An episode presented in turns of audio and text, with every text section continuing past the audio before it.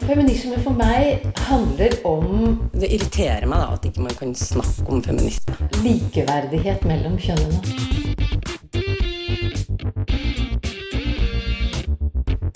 Det blikket på kvinnen på film. handlet det om å bli tatt på alvor som jente. Du hører på Et eget rom på Radio Nova. Fra Kavna til Somaya. 2018 har vært en feministisk berg-og-dal-bane. Likevel har det blitt oppsummert som kvinnens år. Men hva kan vi vente oss av 2019? Et eget rom trekker frem spåkulen.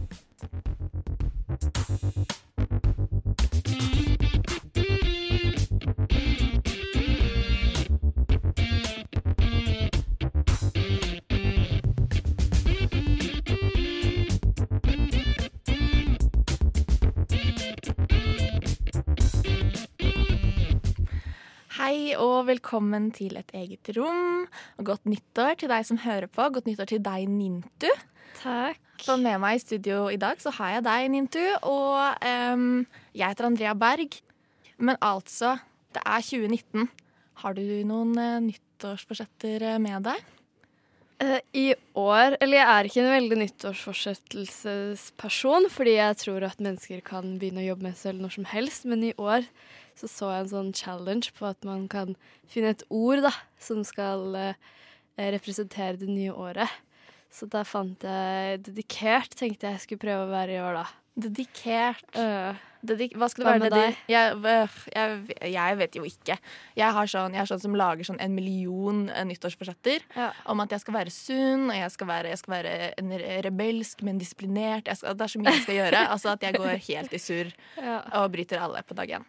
Ja. Men eh, hva skal du være dedikert til, eh, Nintu? Ja, det var jo veldig løst, da. Eh, Men uh, alt, holdt jeg på å si. Nei da. Vi gjør forskjellige ting. Radio, studiene, jobb. Ja, det er jo liksom en annen form for å ja, prøve å si at vi vil være perfekte. Alle gjør jo det, egentlig, på det nye året. Få liksom en illusjon av en ny start, og da vil man bare være så bra som mulig. Men ja, får se, da. Det er en prosess. Om ikke annet så kan vi være dedikert til feministåret 2019. Ja, absolutt. Det, For det er ikke noe snakk om å ja, ikke være dedikert der, altså. Nei, det er, all or, det er all or nothing, og Mm. for oss blir det all. Og, for det er nemlig det vi skal snakke om denne sendingen. Eh, feministåret 2019. Og vi skal liksom prøve å trekke på oss eh, sjalet og de store, runde brillene og, og spåkulen og, og spå hva som kommer til å skje i dette året. Er du, eh, er du stoka, Nintu?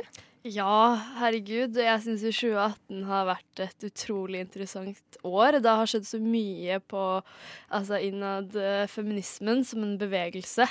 Som, som du sa i stad, det har jo vært en berg-og-dal-bane. Så jeg håper jo virkelig 2019 eh, at vi klarer å fortsette med det inn i 2019. Mm. Ser ut som en veldig bra utvikling, og vi skal jo snakke veldig mye om eh, litt som har skjedd allerede også, da, i 2019. Så Ja. Vi skal, vi skal liksom prøve å uh, se tilbake, se hva vi kan trekke frem fra det. Vi skal prøve å uh, se inn i fremtiden. Vi har mye å gjøre. Og vi skal ikke minst ha gjest i studio som en, en eh, fremtidsfeminismeekspert, som vi har valgt å uh, kalle henne selv. Um, ja. Vi skal spå feministår 2019. Eh, men det har jo allerede skjedd en del ting i 2019. Det har liksom vært en pangstart for feminisme allerede. Og em, en av de tingene som har skjedd, har, har du snakket om, eh, Nintu, i et eh, innslag som du har laget. Eh, og det skal vi få høre nå. Hvert år får vi en nyttårstale fra statsministeren. Statsministerens nyttårstale skal samle befolkningen til en felles offentlighet, og skaper ofte debatt i etterkant. I nyttårstalene reflekteres det over de politiske og sosiale spørsmålene man står ovenfor, og det er alltid store forventninger til hva statsministeren skal ta opp. I år ønsker Erna Solberg i sin nyttårstale at norske kvinner skal føde flere barn. Det med undring og beundring vi kjenner et nyfødt barn gripe om fingeren vår første gang. Ser barnet ta sitt første skritt. Hører det si sitt første ord. Små mirakler. Så vanlige, men likevel nesten uforståelige. Statsminister Solberg fortsetter så videre om å fortelle hvordan det er å vokse opp i Norge som et barn eller ungdom i dag enn for 50 år siden. Foreldre smører ski, steker vafler på korpssamling og arrangerer vennegrupper for klassen. Og ungdom de ruser seg mindre, begår færre lovbrudd, flere fullfører skolen. Nybakte foreldre flest kan se det nyfødte barnet sitt og tenke at deg venter det en trygg oppvekst og fantastiske muligheter. Men hun nevner også noen problemer staten kan jobbe videre med. Hun avslutter med å takke for kongefamilien. Kongefamilien viser oss hvordan våre felles verdier føres videre fra slektsledd til slektsledd. Samtidig som hver ny generasjon finner sin form i et samfunn i endring. Det er barna som skal føre vårt samfunn videre. Godt nytt år. Flere ganger under nyttårstalen understreker Solberg hvor viktig det er med familie. Og det som ble mest omdiskutert i mediene i etterkant av talen, er bekymringen om lave fødselstall og oppfordringen om at norske kvinner skal føde flere barn. Vi nordmenn får stadig færre barn. For å opprettholde folketallet må hver av oss kvinner få litt mer enn to barn i gjennomsnitt. I dag er tallet 1,6. Da blir det relativt sett færre unge som skal bære en stadig tyngre velferdsstat på sine skuldre. Norge trenger flere barn. I en lederartikkel skrevet av skribent Pernilla Eriksson og publisert i den svenske avisen Aftenbladet, kommer hun med ganske krass kritikk mot Ernas nyttårstale. Hun mener at frieriet til KrF i abortspørsmålet er en måte å tvinge kvinner til å føde flere barn på, og i samme åndedrag rettes det også kritikk mot norsk asylpolitikk generelt. Hun har også fått kritikk for å oppfordre nordmenn til å føde flere barn, til tross for at det norske forbruket er skyhøyt, som vil bety større slitasje på kloden. Og folk har også stilt spørsmålstegn ved at hun vil øke den norske befolkningen gjennom fødselsraten, men ikke ved å ta inn flere innvandrere. Uttalelsen har blitt kalt hyklerisk. Ja, Det var Nintu som hadde laget dette innslaget om Erna sin eh, nyttårstale med lyd fra NRK.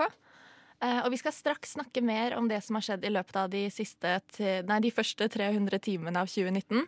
Men først Louis and Lexus Virtual Reality.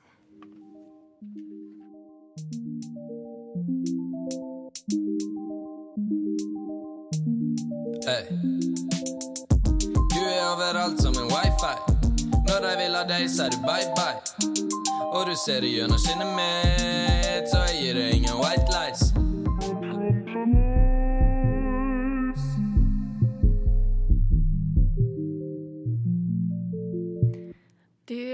Hører på et eget rom, og det var Louis and Lexus med Virtual Reality. Det var veldig digg låt. Ja, det var veldig chill låt. Men uh, før det så fikk vi jo ditt innslag, Dintu, om eh, Erna Solberg sin veldig kontroversielle nyttårstale. Har vi um, noen, uh, noen tanker der? Ja, mange tanker. Den handlet jo hovedsakelig om familie, da. Hun klarte liksom å knytte opp Det var, følte jeg var den røde tråden i talen hennes. Det handlet om familie. Og jeg hørte jo ikke hørte, Hadde ikke hørt på den talen her, selv om det hadde vært veldig mye om media, men jeg hørte ikke på den før jeg skulle lage innslag. Så trodde jeg at det var sånn kanskje to setninger hvor hun hadde nevnt dette med at kvinner må føde flere barn. Men jeg ble så overraska av at dette var faktisk hovedbudskapet hennes. da. Få flere, altså At vi trenger flere barn og familie, og det er på en måte løsningen på veldig mange problemer. da. Eh, Men eh, satt i kontekst, i den politiske konteksten i Norge hvor de skal, ja, hvor de er fri til KrF, så gir det jo veldig mye mening, tenker jeg. Ja, for du opplever det som et eh, frieri til KrF? Ja, det Ja. tror jeg absolutt. Det er veldig strategisk, i hvert fall. Ja. Men eh, det var jo for noen år siden så var det jo en lignende kampanje fra regjeringen i Danmark som het eh, Do it for Denmark. um, som, og den var jo en kjempehit, kanskje fordi den var litt morsommere enn Erna er. Jeg vet ikke. Men ja. Hun prøvde å være litt morsom, hun også. da Hun var sånn 'Jeg skal ikke fortelle dere hvordan det skal gjøres. Jeg tror ikke jeg trenger det.' Men eh, så, ja. Ja. Hun er litt morsom, da. Søtt. Men, eh, men det jeg lurer på, er liksom hva er det som har endret seg siden da? Som, vi, som gjør at vi Fordi du, du nevner i innslaget ditt da, at det er mange som har sett på det som veldig hyklerisk. Så hva er det som gjør at vi ser kommentarene i et annet lys nå? det jeg syns det er veldig fint at folk setter det i sammenheng med andre ting, som f.eks. asylpolitikk. Mm. og ikke minst at en Frp-topp har sagt at han vil at han er enig i Erna med at fødselsraten for den etnisk norske befolkningen burde øke, men man, at man må holde kontroll på innvandrerfamilier, fordi han mener at det kanskje vil øke eh, barnefattigdommen, da. Det er jo ikke basert på fakta eh, i det hele tatt, tenker jeg, men at noen kan si noe sånt, at det er det som er hans tolkning, og dette er et parti de sitter i regjering med, da, det er jo et helt Altså rasistisk utsagn, da. Ja. Utilslørt. Så det, han har jo fått masse kritikk for det, så det er jo bra. Så da ser man eh, hva de holder på med da, i den regjeringen. Ja, fordi, men kan du si bare superkort hva det er egentlig han vil? Han vil kutte barnetrygd etter tredje barn, og da mener han eksplisitt at det er for å unngå store eh, innvandrerfamilier, da. Sier også, liksom, også at det gjelder mest for somaliere. Eh, Ja. Men det har jo heldigvis altså For nå er, vi jo, nå er vi jo på ting som har skjedd allerede i 2019, sant? Og det har kanskje vært litt sånn suppe så langt i Norge. Um, men vi må se på det som har skjedd allerede, før vi kan begynne å spå ting. Uh, og det har ikke bare skjedd uh, teite ting. Vi har annet i Norge hatt besøk av Ronan Farrow, som skrev den første metoo-artikkelen om Harvey Weinstein. Og han uh, kan love mange flere metoo-avsløringer i 2019. Så det gleder jeg meg veldig til. Men så er det jo også da kanskje det som har fått mest oppmerksomhet. Det som alltid får mest oppmerksomhet. USA. Der har det jo skjedd mye. Um, det er jo blant annet eh, dette med Kongressen. Hva, hvor det er blitt valgt inn så mange nye kvinner. Hvorfor tror du det er liksom viktig for oss å se det, egentlig? Nei, man er jo et vind da, hvis man har en så mangfoldig eh, kongress, eller at de som sitter med politisk makt, at man blir representert, da. Eh, så det er jo kvinner med forskjellig bakgrunn, med forskjellige religioner, og det trenger jo alle land.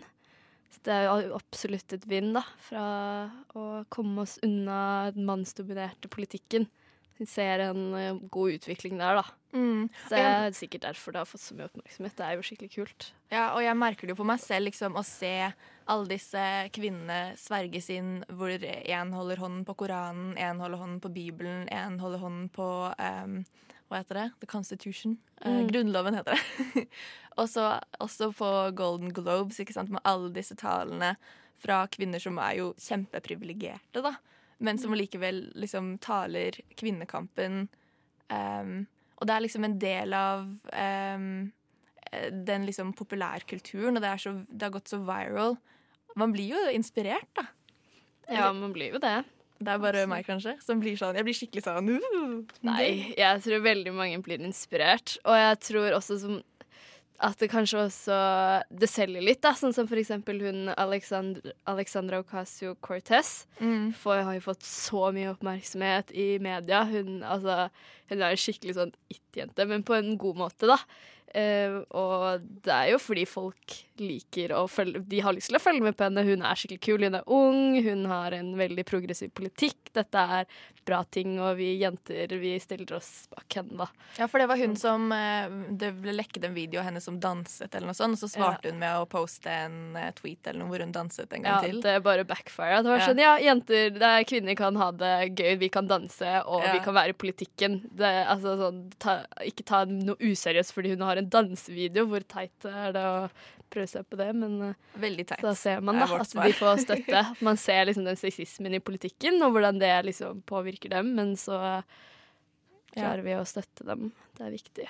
Pass på. Men det er ikke bare på den vestlige halvkule at det har vært kvinnekamp i 2019. Eh, I Kerala i India har det den siste tiden vært voldsomme demonstrasjoner for retten til lik tilgang på religiøse rom. Og det skal Anita Kristiansen fortelle mer om.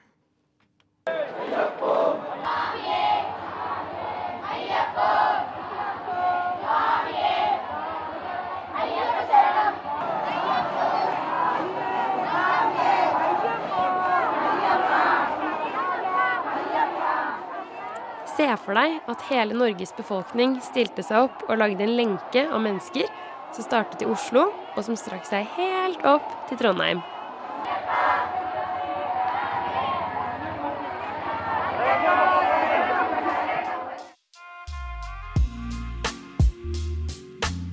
I desember 2018 ble to kvinner arrestert etter å ha gått inn i det hinduistiske tempelet Sabarimala i Kerala i India.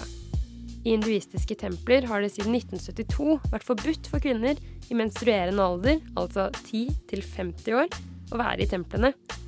I september 2018 ble denne loven opphevet. Hurra! Sabarimala-tempelet nektet å rette seg etter dette. Men de to kvinnene, Bindu Amini på 40 og Kanaka Durga på 39 klarte å ta seg inn i tempelet. Dette vakte stor oppsikt både hos de konservative og aktivistene.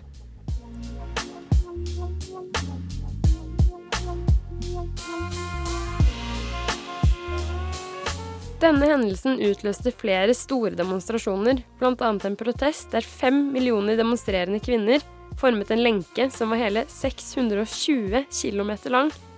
Det er like mange som i hele Norge, og en lenke som er lengre enn strekningen fra Oslo til Trondheim. Det er antatt at det var flere som deltok i denne demonstrasjonen enn i Women's March i Washington DC i USA i 2017. Amini, en av kvinnene som tok seg inn i tempelet, mener manglende likestilling er et stort problem i India.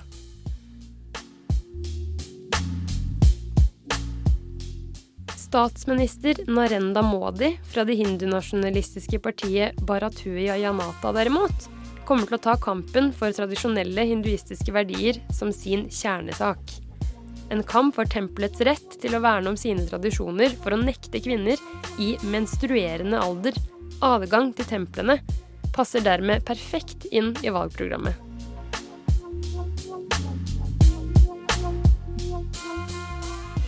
Det var eh, Anita Kristiansen som hadde laget det innslaget om demonstrasjonene i Kerala en av mange ting det blir spennende å følge med på videre i feministåret 2019. Vi skal straks få besøk av Sonja Munos Hjort her i studio, og høre hva hun kan spå om det nye året. Men først Vøk med Spend the Love.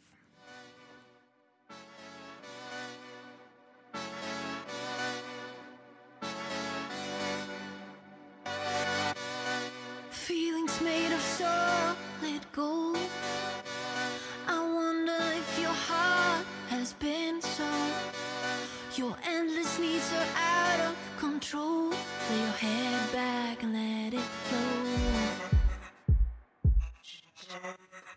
Det var Vøk med Spend the Love. Og eh, så nå har vi alle sittet og danset litt i studio. Um, og med oss så har vi vært så heldige å få besøk av deg, Sonja Munos Hjort. Uh, velkommen til oss. Hei, tusen takk. Um, du er ansatt ved UV-fakultetet på UiO, stemmer det? Det stemmer. Yes. Og foreleser i spesialpedagogikk. Det er også riktig. Ja, ok, Mhm. så bra. Så, så langt. og så er du redaktør for den feministiske bloggen madam.no. For ja, vi roterer, så i hvert fall i denne perioden er jeg det, ja. Ja. Mm. Så bra. Ja, så vi kan jo begynne med å spørre Sonja. Hva er det du ser mest frem til med feministåret 2019? Det jeg ser mest frem til, er at det er hva jeg tenker hvert år, at hvert år er et feministisk år. Men kanskje i år vi faktisk greier å samarbeide litt etter det. Sant? Alle har fått med seg at det er forskjellige feministiske bevegelser med forskjellige mål og forskjellige metoder, virkemidler man bruker for å nå likestilling, blant annet. Eh, men siden det kan være noen eh, forskjeller mellom de forskjellige bevegelser, så jeg håper virkelig at 2019 vi klarer jo å samarbeide, finne de fellespunkter. Fordi siden situasjoner dere har forklart nå tidligere i dag, at situasjonen begynner å bli kanskje litt hardere der ute i samfunnet, så jeg tenker at det er det jeg ser for meg i 2019. Litt mer samarbeid og litt mer variasjon i hvordan vi prøver å nå frem med våre krav for endringer i samfunnet. Mm. Har du noen tanker om hvilke saker som kommer til å få mest oppmerksomhet i 2019? Ja. Som Erna Solberg påpekte i talen sin. Jeg tenker at vi må nok en gang ta en omkamp når det gjelder rett til å bestemme over egen kropp. Dessverre. Dette blir, virker uendelig, sant? Uh, men jeg tror at snart må vi få til permanente endringer. At det er vi som bestemmer. Ingen skal komme og fortelle oss at nå må dere føde mer. nå må dere det, det er ikke det. Det er ikke deres rolle, det er ikke det vi skal. Men jeg tenker at i 2019 jeg tenker at både være mer bevisst på hvordan disse undertrykkende strukturer, som er tilknyttet økonomiske krefter, at vi kan bryte det gjennom feminisme og det samarbeidet på tvers av bevegelser. Um, og ikke minst en del av dette er nettopp rett til å bestemme over egen kropp, men også rett til å stifte familie, eller rett til å leve, egentlig, i, i, som man vil. Men det er Vi må være veldig oppmerksomme på at vi må også bli mye mer antikapitalistiske i vår tankegang, sånn generelt sett, tenker jeg. Fordi det er det som ligger bak. Når de ber oss om å få flere barn, er fordi de vil holde den arbeidsmarkedet og den produktiviteten oppe. Men vi ser blant annet at med den automatisering som foregår i arbeidslivet, at det er ikke behov for det. At vi kan leve roligere liv alle sammen, men det går på nettopp hva er vår rolle her i verden. Og da tenker jeg at feminisme har en utrolig viktig eh, engasjement, og vi har også som sagt de eh, verktøyene for å kunne få til endringer. Vi, vi må ikke finne oss i dette her. Hvordan tenker du at eh, feminister kan bli flinke til å gjøre det? Ta inn klasseperspektivet, ta inn f.eks. raseperspektivet. Tenke interseksjonelt, da. Mm. Ja, si det. Her i Europa fram til nå, jeg har ikke vært spesielt optimist i at vi, vi snakker veldig mye om interseksjonalitet, men vi jobber ikke interseksjonelt.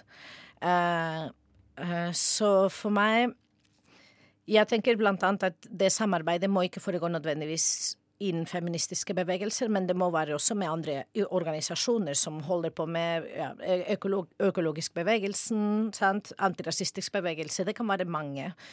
Uh, og det er der man kan oppnå den interseksjonalitet.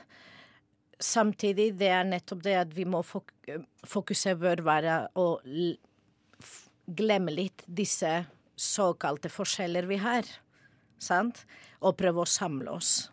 Fordi vi har mye mer til felles enn det vi har forskjellig. Og nettopp all, all den antikapitalistiske og antirasistiske og sant, økologisk bevegelse må stå også i, i bunn. Men mange Det jeg er litt optimistisk nå, er at jeg ser at nå flere feminister begynner å innse og, være litt mer kritisk til de virkemidlene vi, spesielt europeiske, hvite europeiske feminister, har vært veldig eh, glad i, blant annet dette med at vi oppnår mer likestilling gjennom flere lederstillinger, at vi oppnår mer likestilling med å være en del av den egentlig undertrykkende systemet.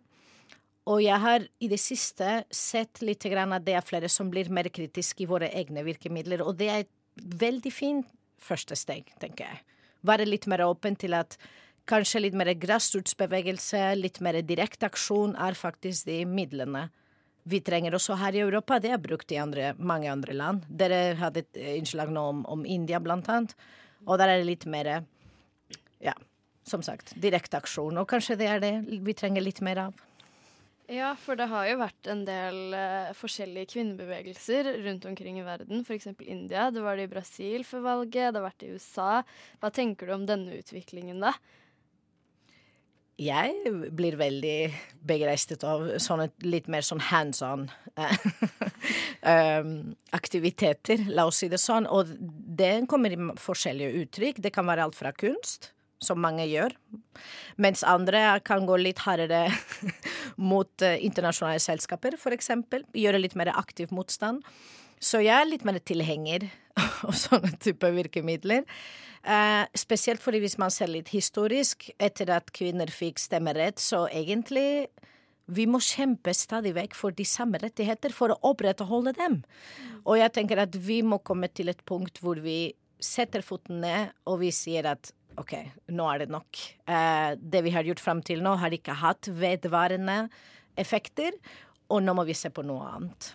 Tenker du at det skyldes de strukturene vi har i samfunnet? At det er litt sånn Det er fett at vi har flere kvinner i lederposisjoner, men vi kommer ikke til å få permanent endring før vi faktisk gjør noe med systemet, da. Mm, det er nettopp det. Veldig ledende spørsmål, men Nei, men det er nettopp det jeg sikter til. Mm. Altså, og og vi, ser, vi har et praktfullt eksempel, blant annet med at mange i 2013 ble veldig begeistret for at plutselig vi hadde Erna Solberg og Siv Jensen. sant, og Eh, men hvis man tenker litt på det, har dere sett noen positive forskjeller for annet kvinner eller funksjonshemmede eller andre minoriteter i samfunnet?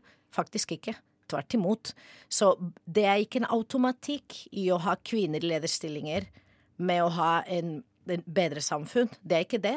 Og det jeg tenker er nettopp vi må prøve å forsøke å få til permanente endringer i strukturene. Det er det vi må sikte til. Ikke bare å si at å, disse fire, neste fire årene vi kommer til å ha det godt dere, og litt trygt. Men vi får se hva som skjer om fire år igjen.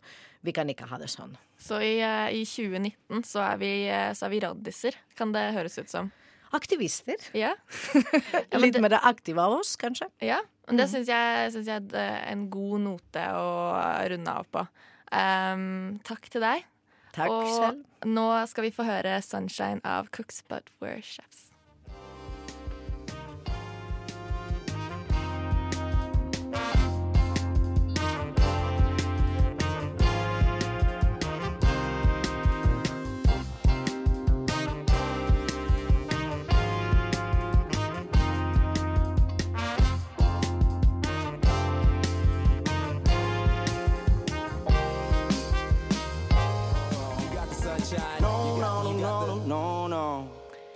Det var 'Sunshine' av Cooks But We're Chefs. Um, jeg skulle gjerne hatt litt uh, sunshine her, uh, Nintu. Vet Hadde gjort veldig mye for litt sunshine, og ikke denne vinden som jeg ble overgrepet av i dag, holdt, morges, holdt jeg på å si. Jeg trodde fjeset mitt skulle fryse av på veien hit. ass.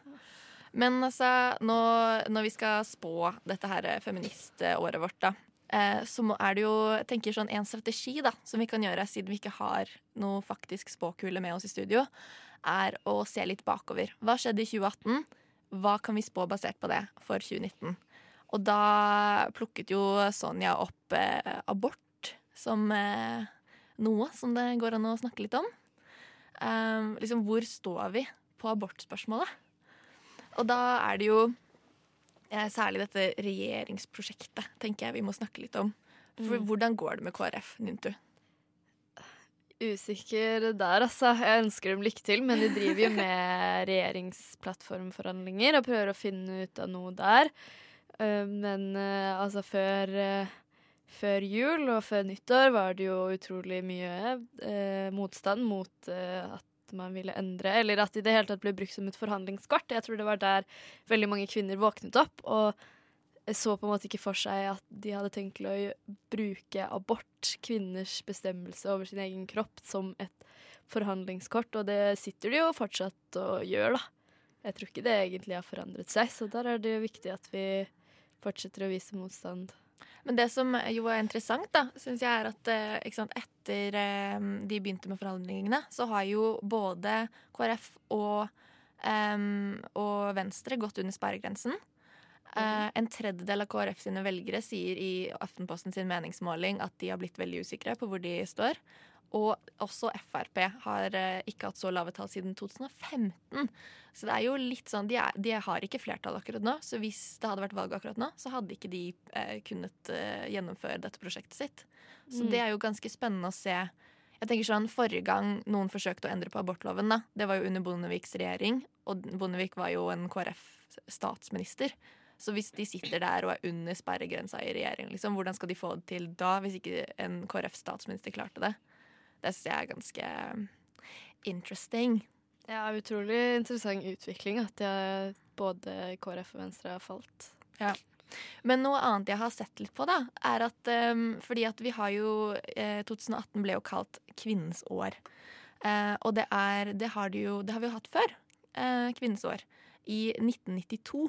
Um, og det var fordi at eh, da ble det valgt så innmari mange kvinner inn på Senatet da, for første gang. Um, og så, så, så har jeg gått inn og sjekket litt sånn, hva skjedde i 1993, altså året etter kvinnens år, for å prøve å se hva, kan, hva vi kan vente av 2019. Um, og det så er at det er da tredje bølgen av feminisme egentlig er definert som startet. Så det, liksom, Forrige gang vi fikk kvinnens år, så ble, var det ikke liksom bare en liten sånn, et lite blaff som døde igjen. Det ble kickoff for en helt ny bølge feminisme. da.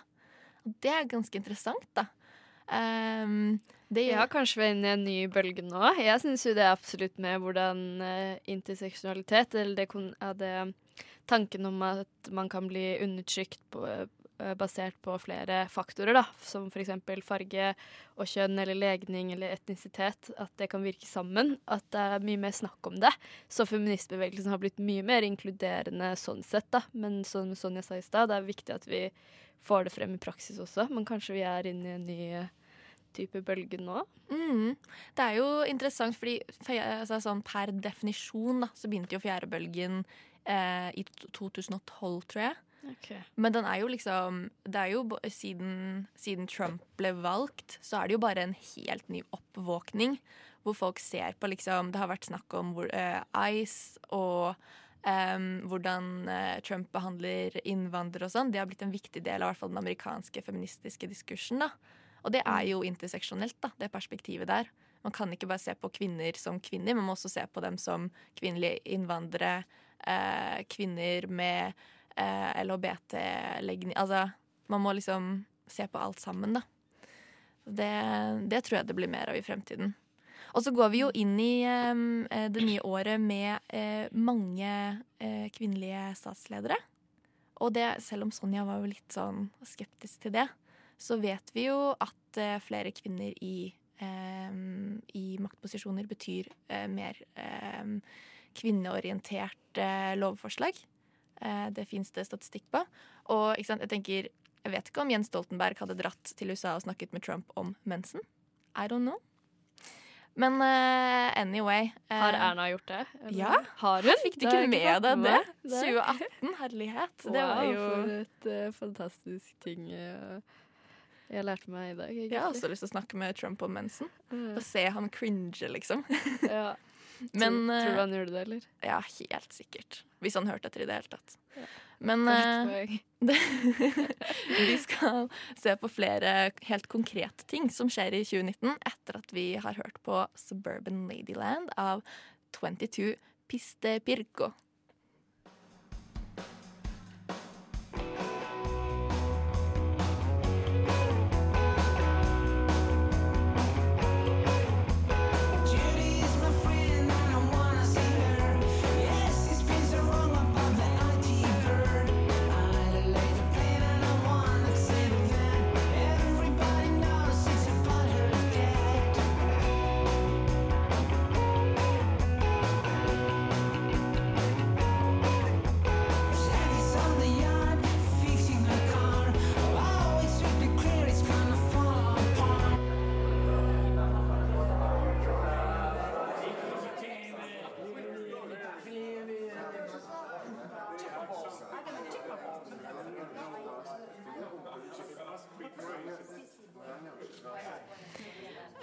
Det var eh, Suburban Ladyland med eh, 22 eh, Piste Birko. Jeg sliter alltid litt med å si det. Og jeg vet ikke om det er 22 eller 22, men vi liker den i hvert fall. Feminist, a person who believes in the social, political, and economic equality of the sexes. Eget rom. Et eget rom. Et eget rom. Et eget rom. Et eget rom.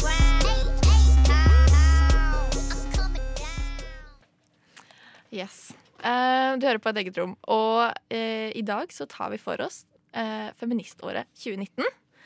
Og um, altså Jeg tenker så langt så er det jo eh, føler, at, jeg føler at alle er litt på samme vibbe som Beyoncé er i den lille jinglen vår. Som er liksom litt sånn Nå er vi litt sure og litt rebelske. Og um, som teknikeren vår Helje sier, litt på grensen kanskje til militante.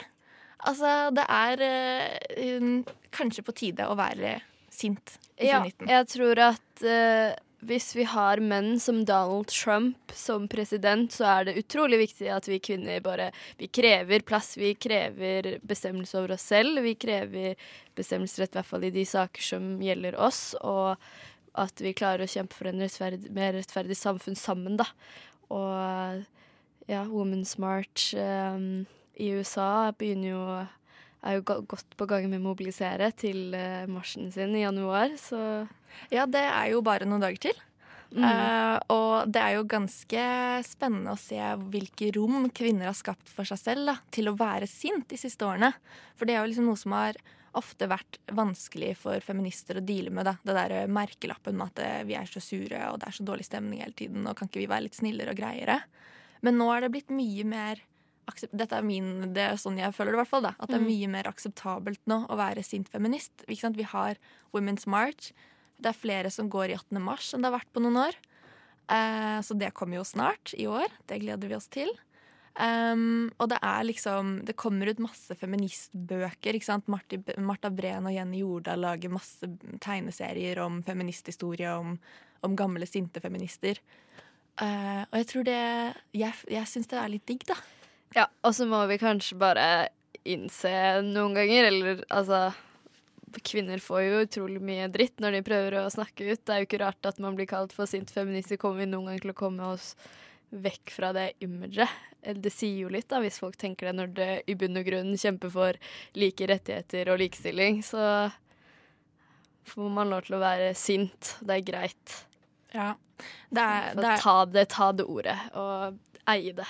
Ja, det er jo noe med det at eh, hvis, man, hvis man er sint, så har man en grunn til å være sint. Det er jo en følelse som folk har av en grunn. Så eh, når du ber noen som er sint om å roe seg, så sier du også at eh, deres grunn til å være sint er illegitim.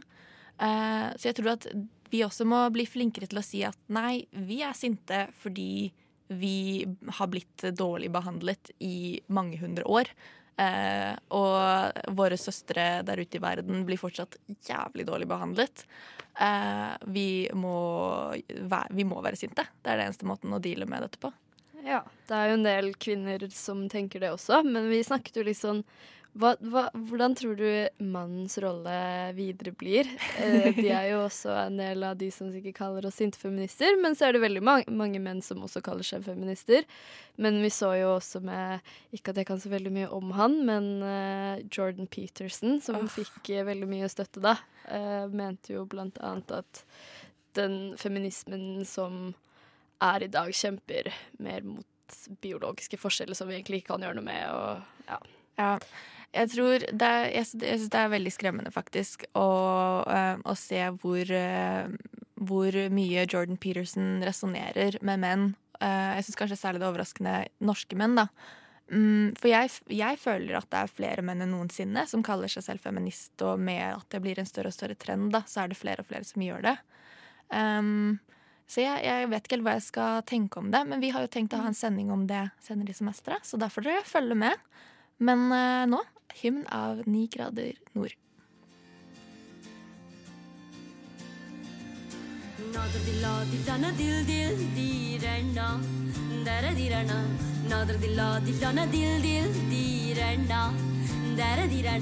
Nader dilla dillana dil dil dirana Dara dirana Dil dil dirana Hey mola meri mola meri mo Mola meri mola meri mo Hey!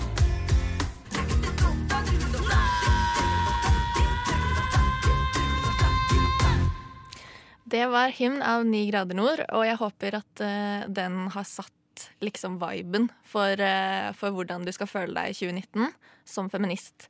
Eh, og så før vi runder av, Nintu, så vil jeg stille deg samme spørsmål som jeg stilte eh, Sonja. Er det noen saker du håper på å se i 2019 som du ikke så så mye av i 2018? Åh, vanskelig spørsmål.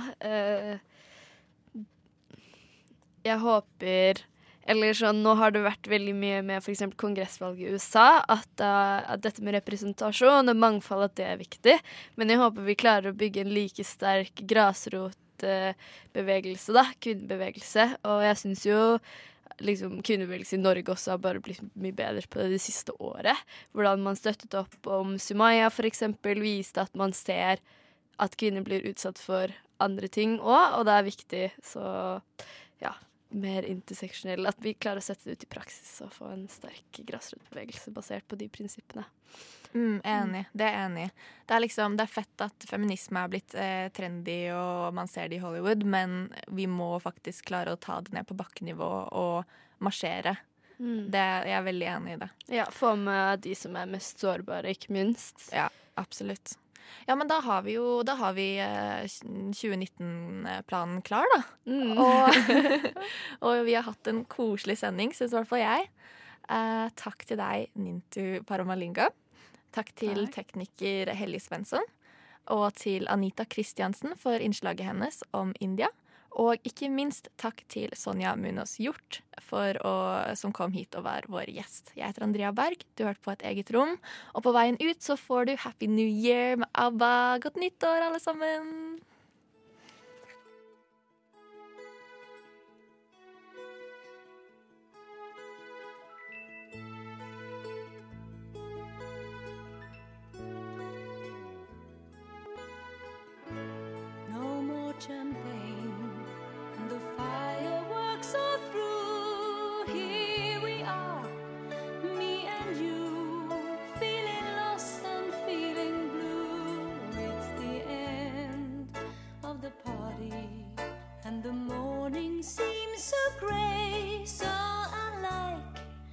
Yesterday.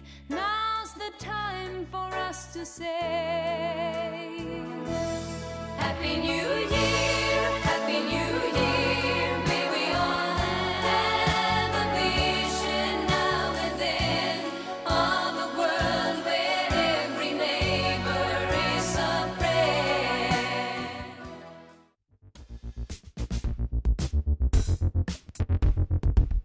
Har hørt en podkast fra Et eget rom på Radio Nova. Vil du høre mer? Sjekk ut Et eget rom på Facebook, Instagram eller radionova.no.